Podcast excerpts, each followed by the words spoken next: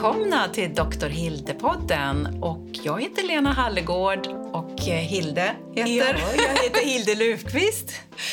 och vad roligt att träffa dig igen Hilde och jag vet att du har varit ute och rest eh, på sistone. Berätta. Ja, jag har varit ute eh, ja, på eh, en tv-inspelning i Umeå.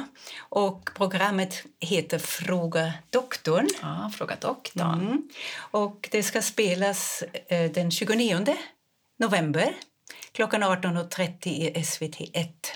Vad spännande. Jag kommer att sitta bänkad och jag vet att man kan chatta med dig efteråt. Stämmer det? Ja, och jag ska försöka besvara alla frågor så gott det går Ja, det via klart. chatt.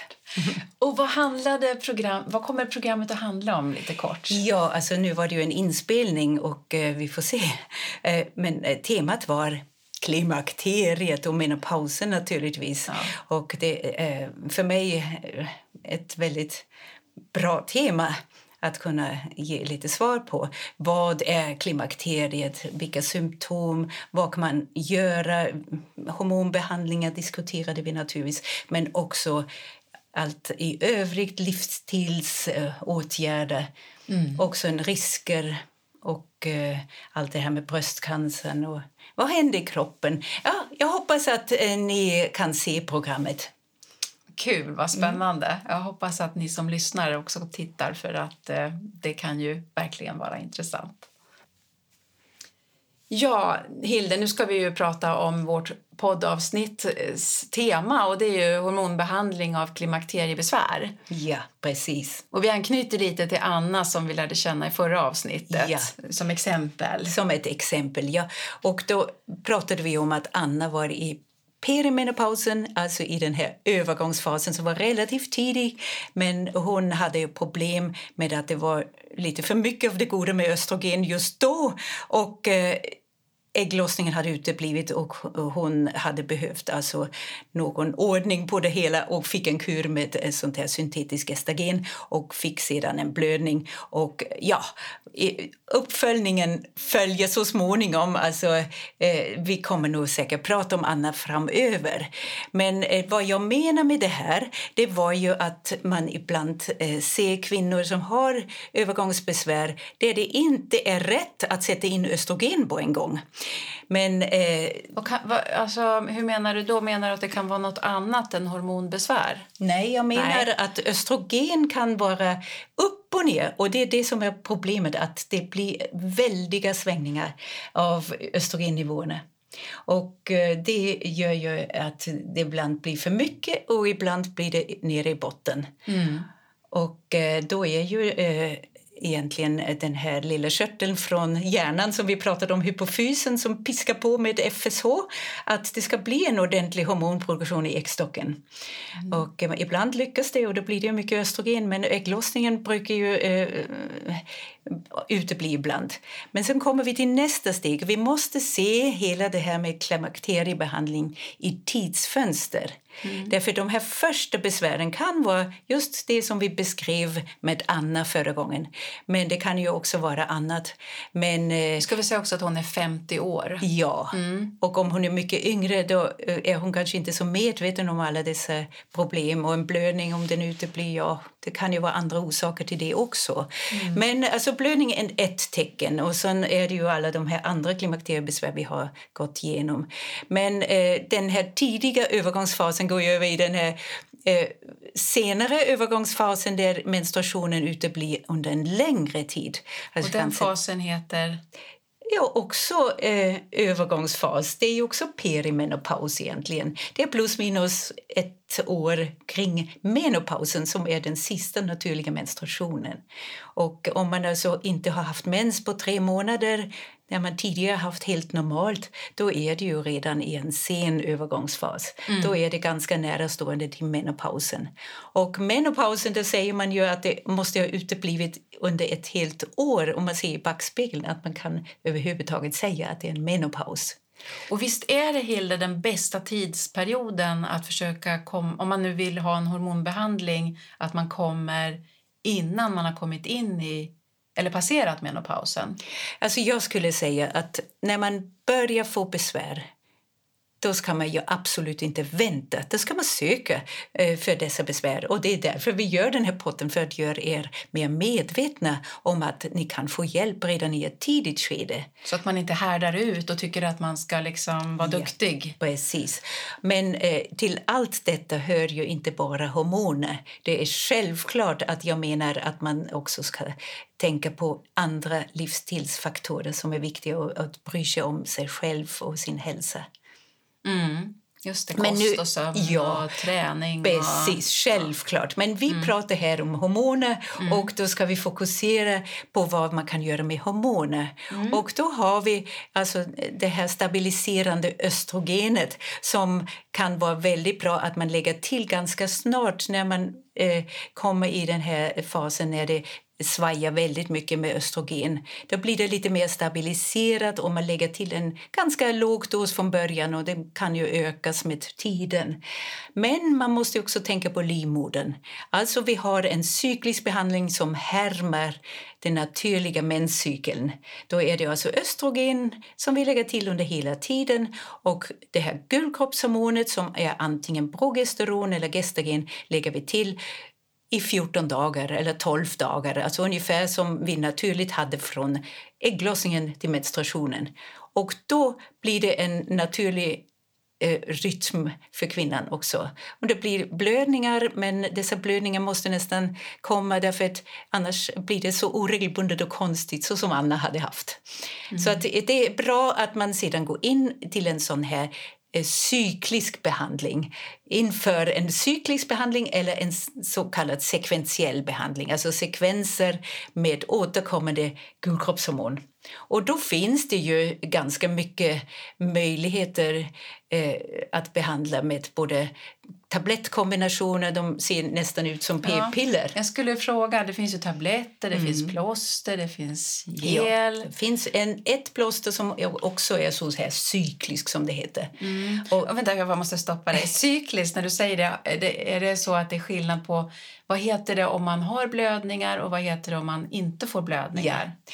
Kommer du ihåg när vi pratade om ICA? Ja. Det, det ena, ja. När man fortfarande har blödningar då är det den där cykliska eller sekventiella behandlingen. Ah, Att man har det bara ibland med det här gulkroppshormon då blir det alltså en blödning. Mm. Och den andra är efter menopausen och det måste ha gått minst ett år. Eh, och då har man den kontinuerliga behandlingen. Alltså då har man lika mycket eh, varje dag av det ena och det andra hormonet. Och det är ju bekvämt för kvinnan att slippa blödning Precis. och så tänker jag då. Ja.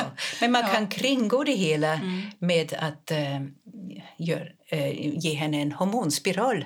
För hormonspiral har ju många kvinnor idag. Eh, därför det är väldigt bra preventivmedel och hålla länge. Fem år i alla fall är det godkänt för som preventivmedel. Och I eh, menopausen kan det ju hålla längre, 67 år skulle jag säga. Men Hilde, visst är det väl så att man, om man nu har spiral eh, och, och sen kommer in i menopausen då byter man den eh, preventivmedelsspiralen mot en hormonspiral som handlar om att hålla hormonnivåerna på rätt nivå. Ja, man kan se det så som du säger. Men egentligen är det ju så att det är också ett preventivmedel Eh, därför du kan ju faktiskt bli gravid när du är 50 eller 51. Mm. Det är mm. kanske något litet guldägg som finns kvar. Mm. Så att det är ju inte 100% säkert om du fortfarande har menstruationer och någon gång en ägglossning. Du kan faktiskt bli gravid. Och då är det ju också bra med en hormonspiral. Och då är det säkrare egentligen än att bara ta ja, kondom? Kondom kan du alltid tänka på. Ja, men jag tänker mm. inte som preventivmedel, men låt säga att man tror att man inte har några ägg kvar. Man tror att man är i menopaus och så tar man tablettbehandling eller plåsterbehandling. Mm. Kan man då bli med barn? Ja, faktiskt. Eh, ja. Om man inte helt... Eh, ja renons på ägg. Liksom. Ja, faktiskt. Ah. Så du ska ah. nog ha preventivskydd som extra under den tiden i perimenopausen. Ja, perimenopaus då borde man ha spiral för att vara helt hundra. Ja. Att inte bli gravid. Alla kvinnor vill inte ha spiral. Vet du. Det är många kvinnor som inte väljer spiral. Därför det är naturligtvis ett ingrepp. Mm. Mm. berätta, varför vill man inte ha spiral då? Ja, alltså, du vet, kan du tänka dig, i första hand är det ju att det gör lite ont. Man måste gå till barnmorskan eller doktorn och få den här insatt. Och, eh, ja, man kan naturligtvis göra det så eh, milt som möjligt. Så alltså att det inte gör så ont och ger bedövning eller även på operation. Men det är ju ett ingrepp. Ja. Men eh, sen kan det vara lite olika orsaker att, att det inte passar så bra. Alltså om man är väldigt trång i livmoderhalsen eller har mycket myom. Eller, det finns ju vissa förhållanden rent anatomiskt som talar emot att man ger en spiral. Därför är det viktigt med den här undersökningen. Ja, naturligtvis. Ja. Men nu har vi fokuserat så mycket på spiraler. Ja. Vi kanske kan säga alltså vi har den här cykliska eller sekventiella behandlingen i perimenopausen. Och då har vi alltså nu klarat av det här med gulkroppshormonet att det måste till för de kvinnor som har en livmoder kvar. Men det finns ju kvinnor som är opererade eh, och har alltså ingen livmoder kvar. Och många av dem har ju fått en operation gjord därför de hade haft mycket blödningar, men de har haft kanske cancer. Alltså, det finns ju olika orsaker varför man tar bort en livmoder och eh, många har oftast haft myom. Men livmodern borta och eh, östrogenbehandling eh, är då oftast en monobehandling, alltså utan gulkroppshormon. Förutom vissa tillstånd där gulkroppshormon är viktig för att skydda. Och där har vi ett, en sjukdom som heter endometrios. Just det, den är ganska vanlig, eller? Vi kanske har en, en möjlighet någon gång att prata om endometrios som ett som, ett, ett tema. ämne. Det betyder bara att livmoderslemhinnan finns även utanför livmodern. Och eh, den påverkas precis lika mycket som livmoderslemhinnan i livmodern, alltså genom hormoner. Så att den ökar genom östrogeninflytandet och den omvandlas alltså, och då blir det en blödning.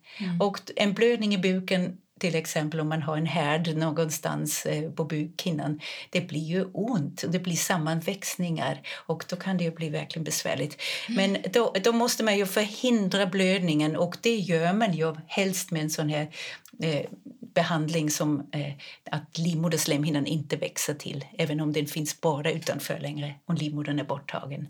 Det är det jag menar med behandling. Men eh, nu har vi alltså den här behandlingen i den här fasen innan mensen verkligen är slut. Sedan kommer nästa fas. Vad heter den? Den här, ja, jag säger postmenopausen. Alltså, Ja. Det är ju allt som kommer efter menopausen. Och det längre tid som har gått efter den här sista menstruationen det lättare är egentligen att behandla med hormoner.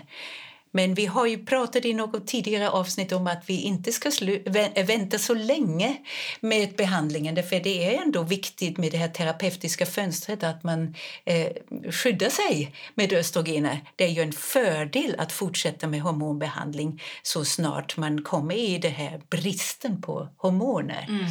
Så det är alltid eh, olika när man kommer och söker för sina besvär. Vissa har härdat ut väldigt länge och då blir det ju alltså, eh, kanske flera år efter menopausen.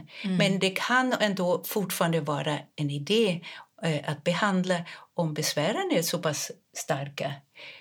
Så det är inte för sent att eh, söka hormonbehandling om man är närmar sig 60 till exempel. Heller. Men det är bättre ju tidigare. Är det rätt? Det är rätt. Förstått, ja. Men Mm. besvären eh, kan behandlas. Beror på besvären Ja. individuellt. Men i den Mm. här senare fasen, då, alltså när mensen har varit borta för länge sedan, då är ju en behandling med eh, en liten dos gulkroppshormon och eh, östrogen det bästa hela tiden för de som har sin livmoder kvar. Mm. Och eh, då kommer vi till den här punkten, vi vill ju inte ha gestagener så länge.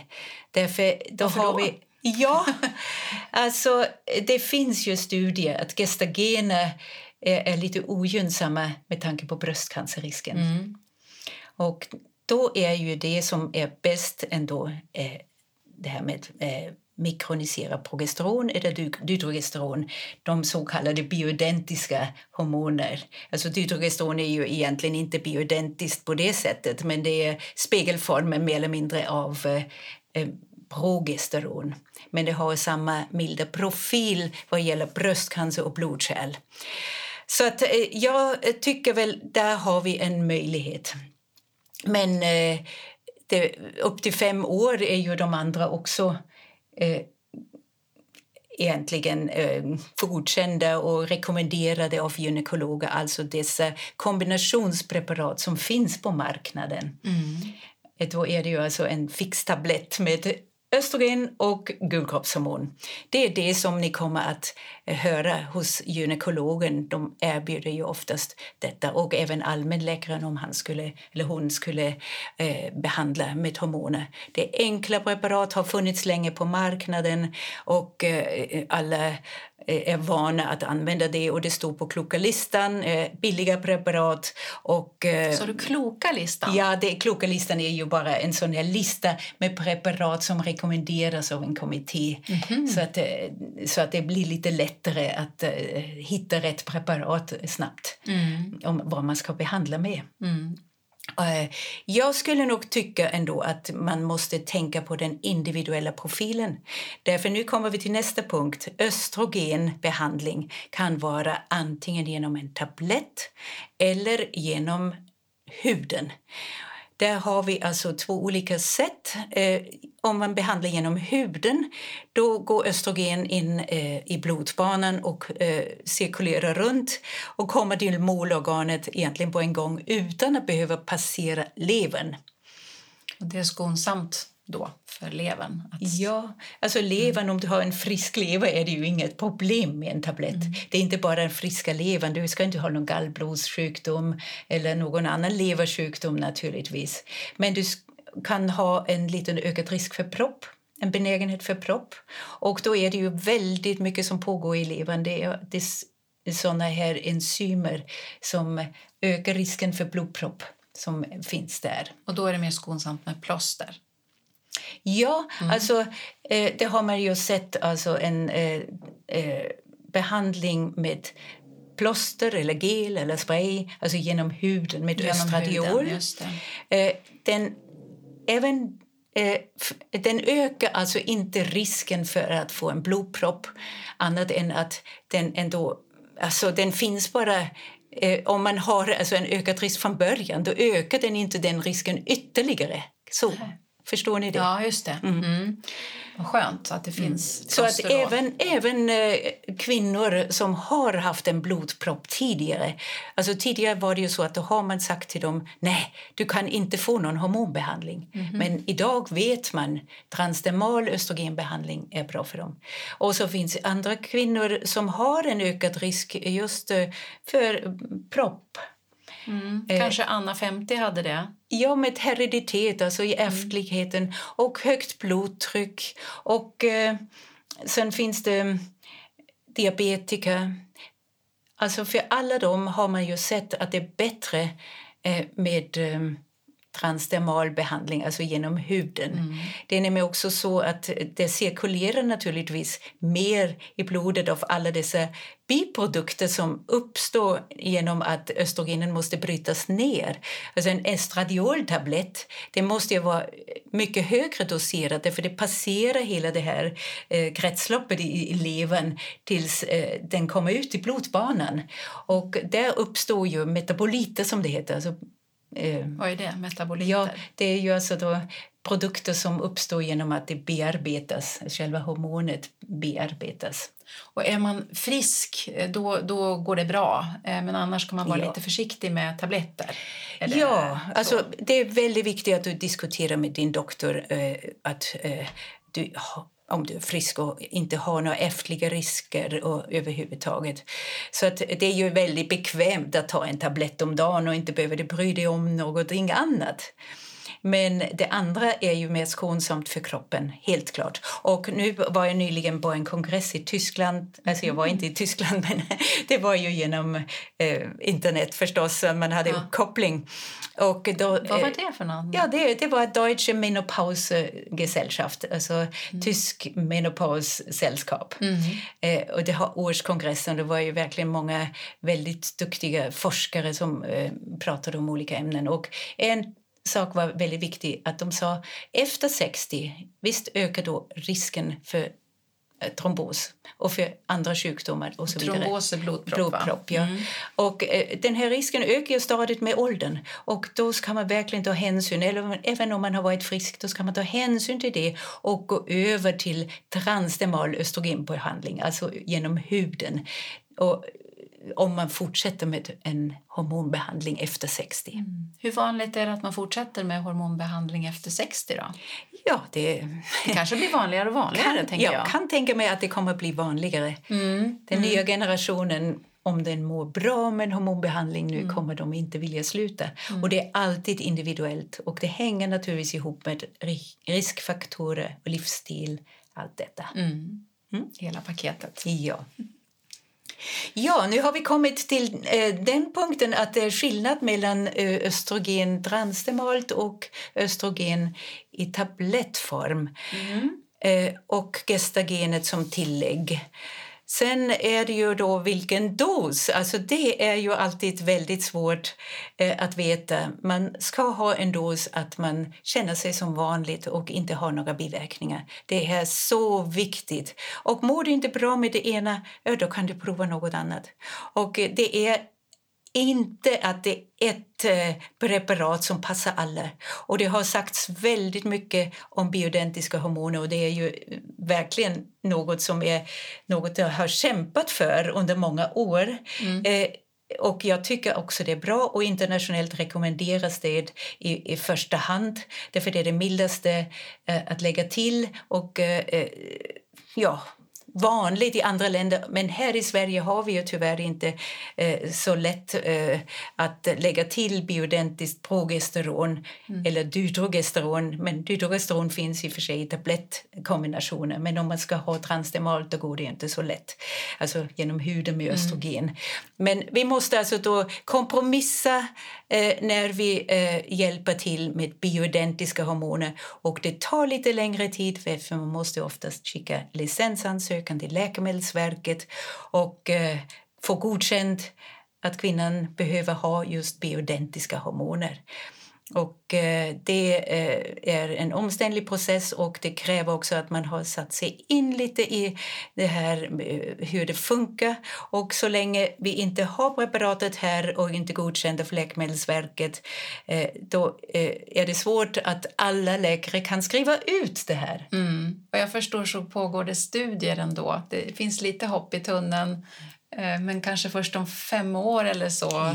kan det bli lättare. Ja, alltså, Eh, professor Hirschberg på Karolinska har ju eh, satt igång med en studie, eller kommer att sätta igång med en studie snart eh, om eh, ja, just eh, att forska fram skillnaden eh, hur det är med syntetiskt eller med bioidentiskt progesteron som tillägg och eh, alla effekter på eh, olika organsystem, brösten, livmoderslemhinnan, humöret.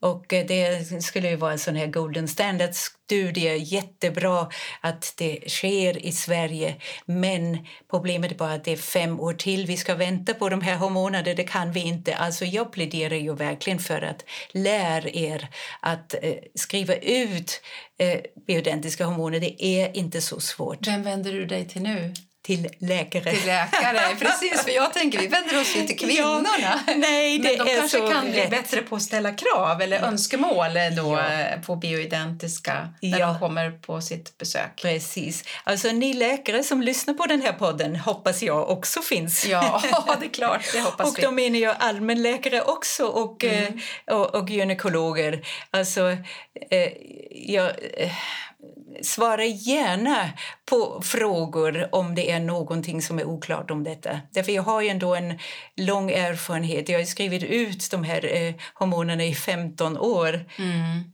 Och du har märkt en stor efterfrågan, eller hur? Ja, Ja. ja, Och vi kan inte riktigt möta upp till den ja. just nu det. va? i Mm. Sverige. Ja, det är det som är problemet. Mm. Mm. Men det är en politisk fråga. Det är en politisk fråga, det är inte din fråga att driva helt vi- själv. nej, Nej. Jag är mycket bara för att eh, kvinnan ska få hjälp med hormoner. Därför jag har ju sett hur mycket bättre hon mår när hon har fått det. Ja, men Hilde, du brinner ju verkligen för att vi kvinnor ska få så bra menopaus eller postmenopaus eh, som möjligt, eller hur? Ja. Det är ju någonting väldigt fint som du brinner för. ja, och jag menar det viktiga är ju alltså att få hjälp mot besvär, nummer ett. Vänta inte. Sök för det. Nummer två, var inte rädd för hormoner. Det finns alla dessa olika kombinationer. Och så farligt är det inte. Även syntetiska är inte så farliga som det framställs ibland. Alltså, det beror på hur du individuellt kan ta det eller inte. Och det tredje är att tänk på din hälsa framöver. För du har många år att leva till och eh, under den tiden ska du må så bra som möjligt. Och hormoner är, är faktiskt en viktig del i det hela. Vilka bra uppmaningar och slutord. Eller vill vi lägga till någonting mera i det här avsnittet? Ja, det är faktiskt så här att vi har ju pratat om den här systemiska hormonbehandlingen Och systemisk betyder för hela kroppen. just hela kroppen. Alltså den påverkar ju allt och det är ju på grund av att det är så pass eh, högre hormonnivåer som man får genom att eh, ta det här genom huden eller genom tablett. Och, alltså, det var ju avsikten också att behandla alla symptom som kommer från hela kroppen. Mm. Men det finns ju faktiskt kvinnor som inte kan ta en systemisk hormonbehandling. Och det finns också som de inte, alltså kvinnor som inte får ta hormonbehandling. Som till exempel kvinnor som haft bröstcancer. Mhm. Och då tar de det lokalt istället? då? Ja, och då har vi en eh, lägre dos hormoner eh, eh, som tillförs via slidan. Och då är det i första hand östriol. Det är ett svagare östrogen. Och eh, finns också östradiol i vissa beredningsformer. Jag ska förklara strax. Och det tredje är att man även kan ta DHEA ett hormon vi har pratat om, en av androgenerna. Om vi nu går till östriol. Det finns alltså i såna här så kallade vagitoria. Det är såna här vaxpluppar man stoppar upp i slidan. blir lite kladdigt, tyvärr. Men å andra sidan löser det upp sig ganska snabbt. Och då verkar det liksom lokalt? lokal effekt på slemhinnan eh, blir alltså påverkad. Slemhinnan ökar då i, lite i, ja, eh, kan man säga, tjockleken. Den blir ju bättre påverkad genom den här östrogena effekten. Så att eh, den eh, liknar ju den slemhinnan man hade innan man kom in i menopausen, men inte riktigt så. Men bättre i alla fall. Är det så här, Hilda, att om man är en äldre kvinna då, eller en kvinna som har haft bröstcancer, eh, som har torra slemhinnor, så kan det här vara lösningen för henne? Precis. Ja. Därför då gör det inte så ont vid samlag och man kan förebygga, förebygga mot eh, ja, infektioner, framförallt också urinvägsinfektioner. Det finns studier på det. Alltså vi har östriol, det svaga. Och sen har vi då eh, östriol naturligtvis också som kräm. Och, och eh, det svagaste som finns eh, är just nu också godkänt för kvinnor som har haft en bröstcancer. Och det här preparatet är ju som en gel man sprutar in i slidan. Varför väljer man kräm framför ett, eh, en så det vagitorie? Eller vad heter det? Ja, det är en smaksak, verkligen. det är bara en smaksak Ja, egentligen. och eh, hur, hur det känns. Alltså, det är lite olika.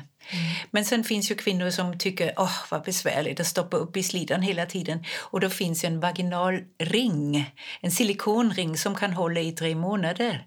Det är ganska bekvämt att stoppa upp den här ringen och sen får man ju ta ut den. det låter som ett pessar fast Ja, ändå inte. just det. eller? Kvinnor som är vana att ta Pessar eller tamponger har ju inga svårigheter med det. Men då är det kvinnor som kanske har eh, reumatiska sjukdomar eller är väldigt kraftiga kanske kommer inte så lätt in i slidan och ta ut den här ringen. Så det, det finns ju eh, vissa där det inte passar så bra. Eh, Men eh, då kan man ju få hjälp hos en distriktssköterska kanske. Det Jag har ju haft patienter som har gjort så. De har helt enkelt gått till en distriktssköterska för det. Eller en barnmorska. Och sedan har vi då alltså också Vagitoria som är som en liten tablett på en pinne som man för upp i slidan. Det är östriol, östradiol, fel, östradiol. Och så till slut det här DHEA vagitorium som eh, är nytt. DHEA är ju ändå något hormon som arbetar genom intrakrinologi har jag berättat om. Alltså den har ju en liten... Intra. intra inne i cellen omvandlas det till det hormoner vi behöver ha. Mm. Och då är det ju då östrogen och androgen effekt. Och så då har det en lite bättre effekt egentligen därför den kommer ju då också den här androgena effekten till. Alltså bättre och bättre, det är individuellt. Jag kan inte säga att det ena är bättre än det andra. Så det beror ju på vad kvinnan vill ha och hur hon tycker det är bekvämt. Alltså det här in, eh, intra, jag säger DHEA, eh, vagitorium måste man ta varje kväll egentligen. Så det handlar lite om vad man har för ja, beteende kanske mm. också då, vad man tycker om eller ja. hur man funkar. Ja. Eh, det är viktigt med den här dialogen då. Med, ja, man inte glömmer, det är ju också viktigt att man inte glömmer. Mm. För tar man ett sånt här vagitorium någon gång i månaden eller kanske två gånger per månad, då har den ju absolut ingen effekt. Då är det ju alldeles för kort. Och man måste ju också bygga upp en slemhinna i början när man börjar ta sådana hormoner, om man är långt in i menopausen och har väldigt sköra slemhinnor. Så det kan ju ta lite tid att bygga upp det här men sen, sen funkar det med en underhållsbehandling för de flesta. Vet du Hilde, jag kommer att tänka på att jag har en väninna som sa så här till mig, hon, hon är då i den här fasen, eh, 60 plus, mm -hmm. att eh, ah, kan man inte avdramatisera det här med sex eh, efter menopaus. Eh, måste man hålla på med allt det här? Men det är väl inte bara för sexlivet? Nej, nej. Man gör det är det ju att eh, tänk alltså på att cykla. Det är ju också eh, att man skavar och det gör ont till slut. Och lättare som sagt att få urinvägsinfektioner. Det påverkar ju även urinröret och urinblåsan och den slemhinna som finns där. Mm. Så att man påverkar inte bara i slidan och inte bara sexlivet. Mm. Men jag kan ju säga tvärtom. Jag har haft patienter som har sagt oj, nu äntligen har jag fått någonting för underlivet. Varför kunde du inte ge mig det här tidigare? Då hade jag kanske inte levt som en nunna i många, många år. Ja, just det. Mm. Och jag hade en annan väninna som skrev åh jag är nyfiken på, eller vad får jag tag på den där gelen, eh, fråga Hilde. Eh, så mm. nu kommer hon vara jätteglad om hon lyssnar på det här. Mm. Ja, ja. Nej, men man behöver hjälpa sig själv. Och mm. Sen ska jag naturligtvis också nämna att det finns ju många andra eh, eh, icke-hormonella eh, preparat som du kan köpa på apotek eller på hälsokosten. Det finns ju eh, på många ställen som är eh, just avsedda för slidan, att det inte blir torrt, att det återfuktar och så vidare. Mm. Mm. Då har vi liksom fått eh, en bra bild av det här lokala då som man kan Ja. Lokala hjälpmedel, hormonella hjälpmedel. Mm. Och det finns ju ingen övre åldersgräns för det. Jag undrar, Hilde, det, du, det var väldigt bra avrundning med din fina uppmaning till alla kvinnor. Mm. Men det kanske är något mer vi ska lägga till innan vi avrundar det här avsnittet som handlar om hormonbehandling av klimakteriebesvär. Har vi pratat om allting? Nej, vi har inte pratat om androgener. Nej, det har vi inte va? Nej, Nej. just det. Och vad ska vi säga där? Ja. Vad är androgener? Androgener, ja. alltså, vi, vi är ju då eh, kvinnliga varelser som inte har lika mycket androgener så som män har. Man brukar säga att en tiondel av mannens nivå är det. Eh, ah, du menar testosteron bland annat? Ja, just ja. det. Men det är ändå så att eh, testosteron kan mycket väl vara en del i en behandling eh, för kvinnan därför att behålla muskelstyrkan och eh, motverka eh, dålig eh, lust. Mm. Du, berättade, du förklarade för mig i ett annat avsnitt så väldigt bra tycker jag att det har ju inte att göra med det har att göra med den inbördes balansen av testosteron och de kvinnliga hormonerna. Eh, det är det, alltså relationen däremellan mm. va, som är det ja. viktiga. Ja, precis. Eh, inte i absoluta tal. Nej. Eh, eller har jag missförstått det här? Hur ska man tänka kring testosterondos för kvinnor? Ja, ja, Förstås alltså, olika olika faser. Det är, olika. det är också olika kvinnor naturligtvis hur mycket de behöver om de från början har tillräckligt själva förstås. Men det finns ju många som kanske kommer in i det här att de verkligen saknar testosteron och då märks det ju genom symptomen. Ja, men hur, vilka symptom har man om man Ja, saknar alltså, testosteron? Du kan tänka dig att då, då har du eh, mindre lust, det är ju en sak, men inte alla. Men eh, eh, man kan ju inte gå efter blodspegeln. Alltså det, det är det som är så svårt egentligen. För det finns ju de som har låga nivåer men inte har några problem med lusten.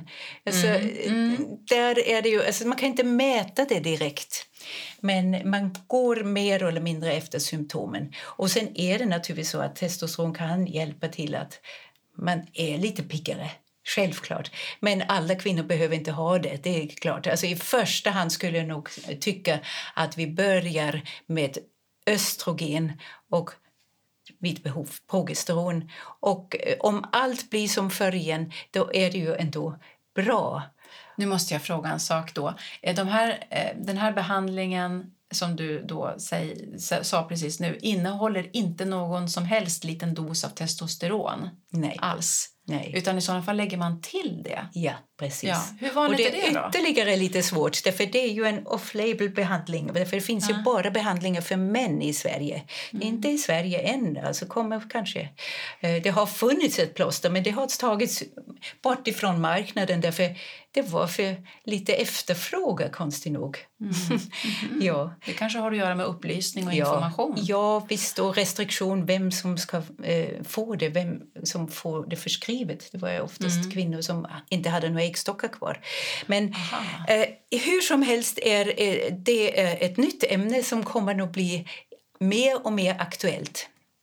Men alltså, i, det finns faktiskt också en tablett, Tibolon, som sägs öka lusten lite. För den har en liten androgen komponent. Den är mycket märklig. Men Tibolon är faktiskt en eh, bra tablett som har funnits länge. Också mot klimakteriebesvär. Och där är det allt i ett. Det kan man ge till kvinnor som har livmodern kvar. Mhm. Ja, det finns så många eh, sorter, men jag vill inte nämna några enskilda därför det är inte min sak att eh, marknadsföra några speciella preparat. Jag ville bara ge en upplysning om vad som finns och eh, hur man kan behandla och att det inte är så enkelt naturligtvis och eh, att man måste diskutera detta med sin doktor. Och framför allt, det måste vara individuellt anpassat. Det var en jättebra sammanfattning, Hilde, tycker jag. Tack. Men du, då säger vi väl tack för idag. Ja, det gör vi. Okej. Glad advent vill jag passa på att säga också, Ja, för det tack. är ju inte många dagar kvar nu. Ja, tack så mycket Lina. Ja. Det var roligt.